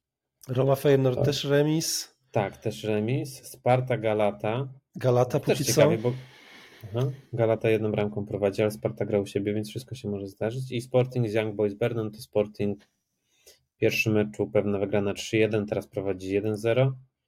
Gola strzelił Gikeresz, tak, który Właśnie, nie mogę odżałować, słuchajcie, bo on furory robi w tej Portugalii. U nas przejdzie do jakiegoś dużego klubu, nie? Przeszedł nam koło nosa, tak. niestety. Tak, sorry Piotrku, ci przerwałem na, na mały tutaj update informacyjny. Ja też byłem ciekawy w sumie, bo teraz no, w tej takiej trochę smucie West Hamowej to losowanie Ligi Europy to jest takie pozytywne światełko. Pierwsze od, od, w tym roku w sumie, że można się czegoś ciekawego i pozytywnego o klubie dowiedzieć jutro. Mam nadzieję, że trafimy. Może ten Karabach to nie aż żeby był najłatwiejszy przeciwnik, chociaż w Azerbejdżanie może być ciężko. To jakbyśmy trafili jakąś wielką europejską markę i na przykład wyciągnęli dobry wynik, albo nawet przeszli dalej, to by na przykład mógł być nowy mit założycielski Davida Moisa, jeżeli na przykład przyjeżdża na London Stadium, powiedzmy AC Milan, Milan i o właśnie, i my jakimś cudem wyciągamy taki heroiczny bój jak z Sewillą albo z Lyonem, może te trybiki zazębią się na nowo i może jakimś cudem dojedziemy, ale to już tak się rozmarzyłem po prostu. Wiem, że skończymy z Szachtarem albo ze Spartą Praga i będzie 0-0, 0-0 i w karnych. A Szachtar gdzie gra mecze teraz? W Niemczech. Chyba w Hamburgu grają. No tak, tak przynajmniej grali w Lidze okay. Mistrzów. Szkoda tak. właśnie, że ten szansa na West Ham w Polsce już, już, już nie ma praktycznie. Jest szansa, że będzie w Pradze, więc pozytywnie się Praga kojarzy. Można Też skoczyć było. w jakiś czwartek. A dobra, to y, podsumowując wątek trenera, jeśli macie wybrać jednego z tych nazwisk, o których się mówi, albo takich, o których mówi się nie, ale są według Was w zasięgu, Łukasz. Tuchel, jeśli mamy takie ambicje i naprawdę chcemy jakoś, nie wiem, iść do przodu, to ten Tuchel, jeśli on jest w grze, a jeśli nie, to Potter, bo Potter jest w zasięgu jak najbardziej, no tu nie powinno być problemu. Ciekawe, bo przy tym Potterze, wiecie co, jak on się pojawia, to tam zawsze jest takie zastrzeżenie, że Sullivan uważa, że on w Brighton robił dobry wynik, w dużej mierze dzięki całej dobrze zorganizowanej maszynie, e, szczególnie rekrutacji, a nie swoim umiejętnościom. Więc mam wrażenie, że on zawsze jest wymieniany tak na doczepkę trochę. Chyba dlatego, że wszyscy chcą, żeby był wymieniany, to powiedzmy go, ale że mam wolny, wrażenie, nie? że poważnie jest, nie jest rozważane, ale mo... wiadomo, może że tak sytuacja może się dynamicznie zmienić. Piotra, u ciebie?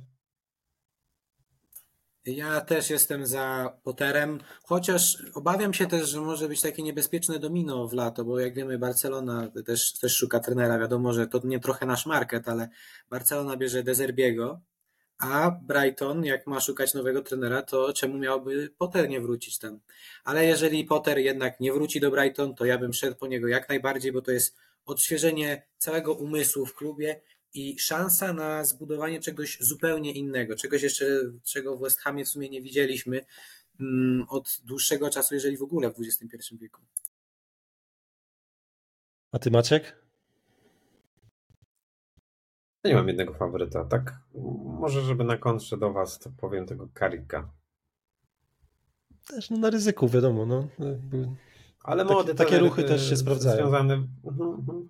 widzę tu nie chciałbym brać trenera już z karuzeli, dla którego będziemy projektem kolejnym i, i on już nie ma ambicji, nie ma. Bardziej chciałbym właśnie trenera powiedzmy względnie młodego i tu i Potter i Tuchel tak naprawdę też, no bo tak jak mimo, że on ma bogate doświadczenie i jeszcze na plus dla Tuchela mi się zawsze on bardzo ambitny wydaje, że to jego, mówimy, że jest konfliktowy i głośny, ale wydaje mi się, że to nie wynika z jego znaczy wydaje mi się, że to wynika z jego ambicji, że jest po prostu szalenie wymagający i to jest akurat dobra rzecz. Tylko może gdzieś kanałuje niekoniecznie dobrze te, te swoje duże wymagania i wysokie standardy. Ale jeśli on byłby w zasięgu, to ciekawie mnie. Jakoś wydaje mi się, że tutaj nie. Znaczy nie widzę tego jako powtórkę z Pellegriniego, bo Pellegrini to już wiecie, był po Chinach i ewidentnie był na końcu kariery. Tuchel nie jest w takim miejscu. Dokładnie. No ma 50 lat, nie? więc wydaje mi się, że za wcześnie dla niego, żeby tak. się wypisać z futbolu. Myślę, że. No ale to jest ryzykowne dla niego. Słuchajcie, w Betisie wcale źle sobie tam nie radzi, więc jeszcze wrócił na tym karuzelę i. my jesteśmy szalenie specyficznym miejscem do pracy dla trenera. Wydaje mi się, że u nas naprawdę nie ma, nie tylko dla trenera, znaczy nie tylko ze względu na prezesa, ale i kibiców i mamy jednak bardzo duże ambicje, my jako kibice i wydaje mi się, że my szybciutko, jak teraz mieliśmy trzy dobre sezony, to każdy już chyba puścił w niepamięć czasy, jak walczyliśmy o utrzymanie i my już chcemy regularnie bić się o puchary, a jak patrzę na kluby właśnie jak Everton, który też jeszcze niedawno traktowane było jako klub 8-10, a dzisiaj się biją o utrzymanie, mają był Ancelotti, nie? tak, tak, tak, mieli ten moment, kiedy... Był, dokładnie. E, więc... Sprawy się zmieniają bardzo szybko w futbolu, więc to, to też trzeba być to. ostrożnym. No. Jak z tej perspektywy myślę, to jakby widzę taką możliwość, że będziemy na tym Moisem tęsknić za jego nudną stabilizacją, ale jednak stabilizacją w górze tabeli, a, a na miejscu Evertonu nikt z nas teraz nie chciałby być przecież. No ja się boję, że zacznie ten taki e, sznurek po prostu trenerów teraz, nie? Tak jak był przez hmm. ostatnie 18 lat, po, po Alanie Pardiu przecież tam zmienialiśmy trenerów cały czas i za, za każdym razem był to nie wypał, czy to był Zola, czy Kirby czy tak. kto tam Avram był jeszcze? Grant też Avram był. Grant, Allardyce. Najgorszy trener w historii West Boję się tego, bo ale też się tak wychowałem po prostu na takim, dla mnie największym problemem była, był brak stabilizacji na fotelu trenera w West Hamie, od kiedy zacząłem kibicować, nie? więc jak już mamy tego Davida Moisa, mi jest ciężko tak jednoznacznie powiedzieć, że nie, jego też trzeba wywalić, bo jakby zdaję sobie sprawę, jak dużą różnicę zrobił, wprowadził jakąś filozofię do tego klubu, jakiś porządek, swoje standardy, ma swoje wady, i których dzisiaj dużo rozmawialiśmy, nie? I też nie uważam, że za zasługi powinien na zawsze zostać w klubie, tak jak mówiłeś Maciek, nie? I nawet nie musimy do Leicester i żeby szukać przykładów, ale John, John Lyle, jeden z naj, największych mm. trenerów West Hamu w historii, e, też został zwolniony, nie? Mimo, że dwa razy wygrał FA Cup dla West Hamu, e, został zwolniony przez to, bo spuścił West Ham z ligi, nie? Więc to jest normalna kolej rzeczy, że po prostu pewne projekty się kończą, jakaś energia się kończy, pomysł się kończy. Czy Mois jest w tym momencie? Nie mogę tego powiedzieć, bo mieliśmy, tak jak mówiłem, sinusoida. Czasem gramy dobrze, czasem źle. I to nie wygląda jak taki ostateczny koniec tej drużyny dla mnie. Wydaje mi się, przy, przy dobrych wzmocnieniach e, to jeszcze by dało radę funkcjonować, ale kusi perspektywa, żeby właśnie taki Potter przyszedł i zmienił to zupełnie, w sensie, żeby, to, żeby tutaj był taki reset, nie, y, się wydarzył, ale jest obarczony ryzykiem. Tak, tak. Dobrze, no szalenie interesujące okienko przed nami i jeśli chodzi o właśnie stanowisko trenera i jeśli chodzi o transfery. Panowie, czy coś jeszcze tak naprawdę mamy do przedyskutowania? Wydaje mi się, o że... Brentford gadaliśmy, czy nie? Jeszcze Zuma, Tony w tym tak, pojedynku. Jak, jak trochę o, o ustawieniu. Jaki typujecie wynik? To przegraliśmy wszystkie mecze z Brentford, kiedy oni są w Premier League, więc to to, to, bym wyrzucił tutaj na pewno na stół. E, są też w złej formie, nie? więc to jest, e, to jest pocieszające. Oni przegrali tam chyba cztery mecze z ostatnich pięciu, ale też grali z dużymi firmami. Nie? Oni z City grali z Liverpoolem, z, z Tottenhamem.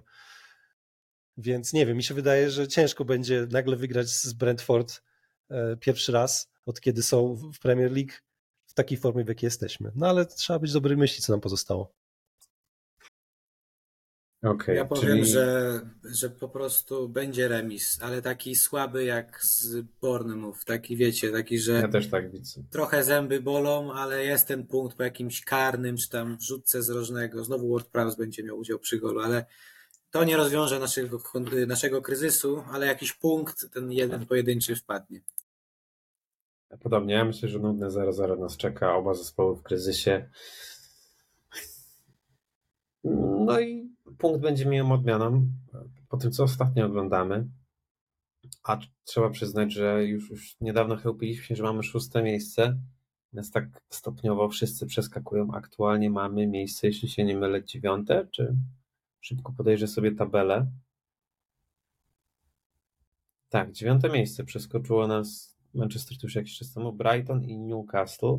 Tylko punkt za nami jest Chelsea, która jakby wygrała z Manchesterem City, a prowadziła długi czas, no to byśmy byli na dziesiątym miejscu. Tak, tylko punkt straty nas ma Chelsea, Wolverhampton. Dalej już jest duża różnica do Fulham. Mamy 7 punktów. Fulham jest na 12 miejscu. No ale jest, jest ryzyko, że wkrótce i Chelsea i Fulham nas przeskoczą i gdzieś zakończymy ten czas na 11, 11 miejscu.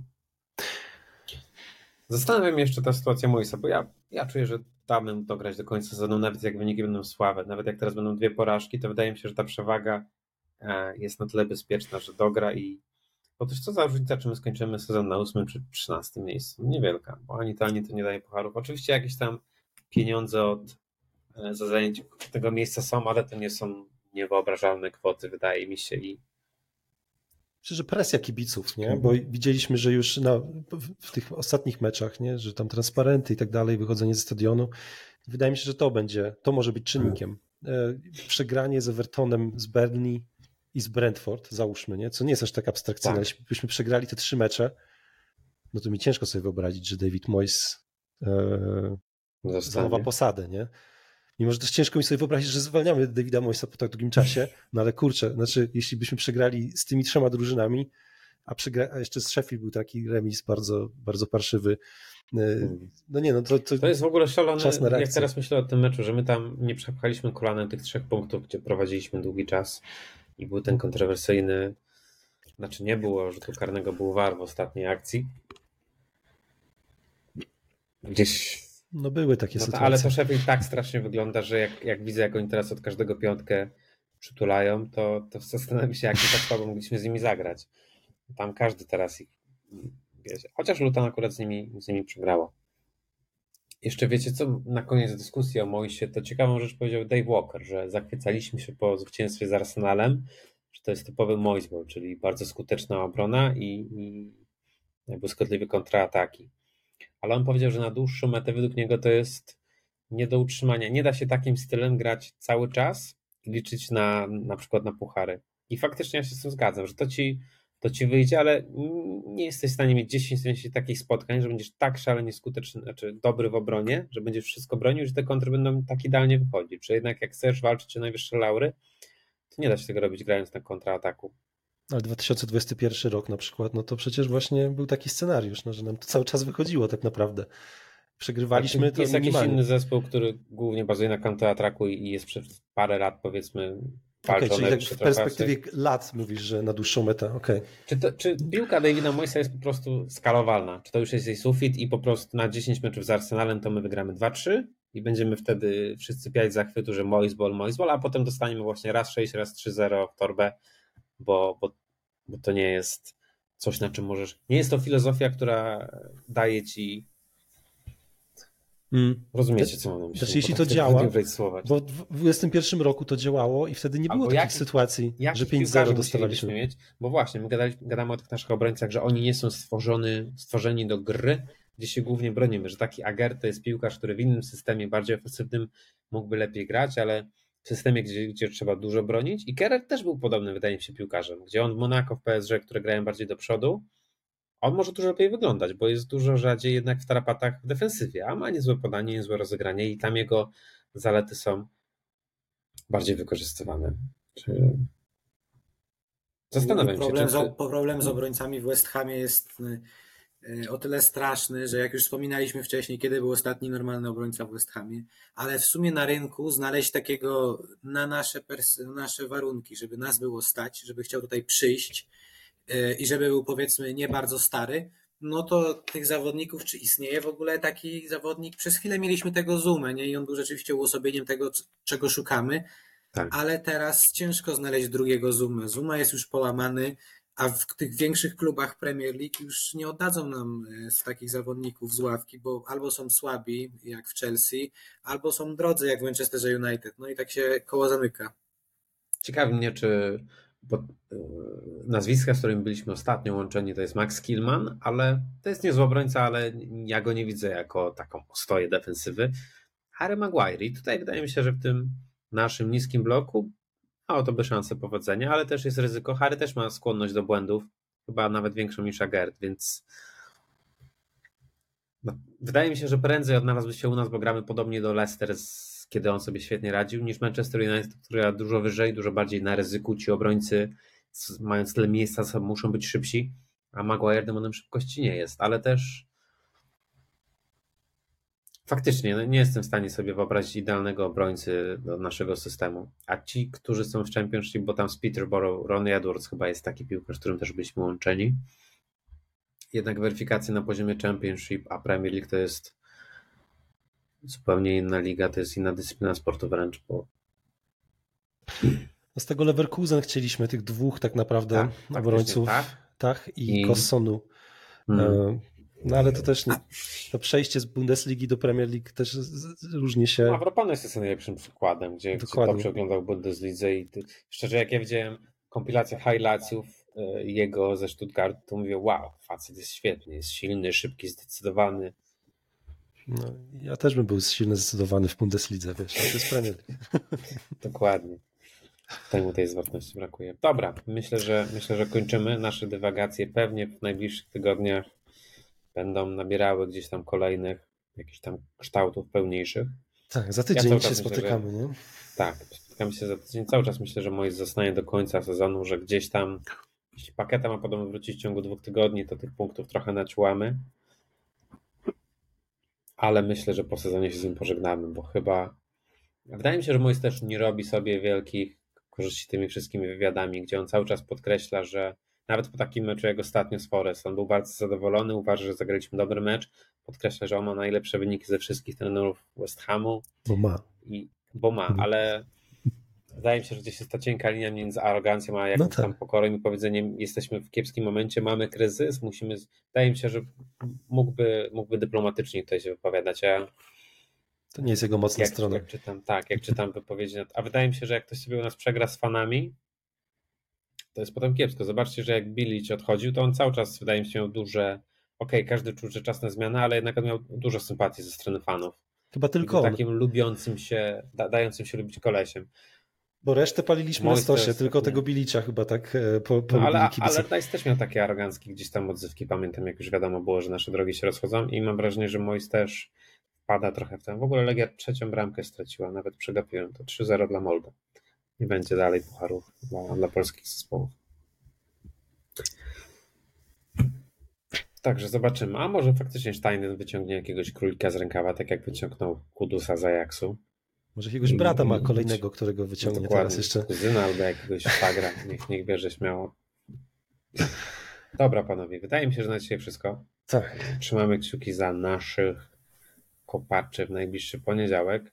Piotr Jędra, świetny debiut, zdecydowanie Dzięki Piotr, witamy w gronie tak. podcastu. Dziękuję bardzo. tak. Dobrze, no solidne puchary, jeśli chodzi o debiut. E, I z nami był też jak zwykle Łukasz Popuda, jestem Maciej Kurek. Słuchajcie nas, śledźcie nas na Instagramie, na Twitterze oraz na Facebooku i słyszymy się za tydzień. Dzięki wielkie. Dzięki.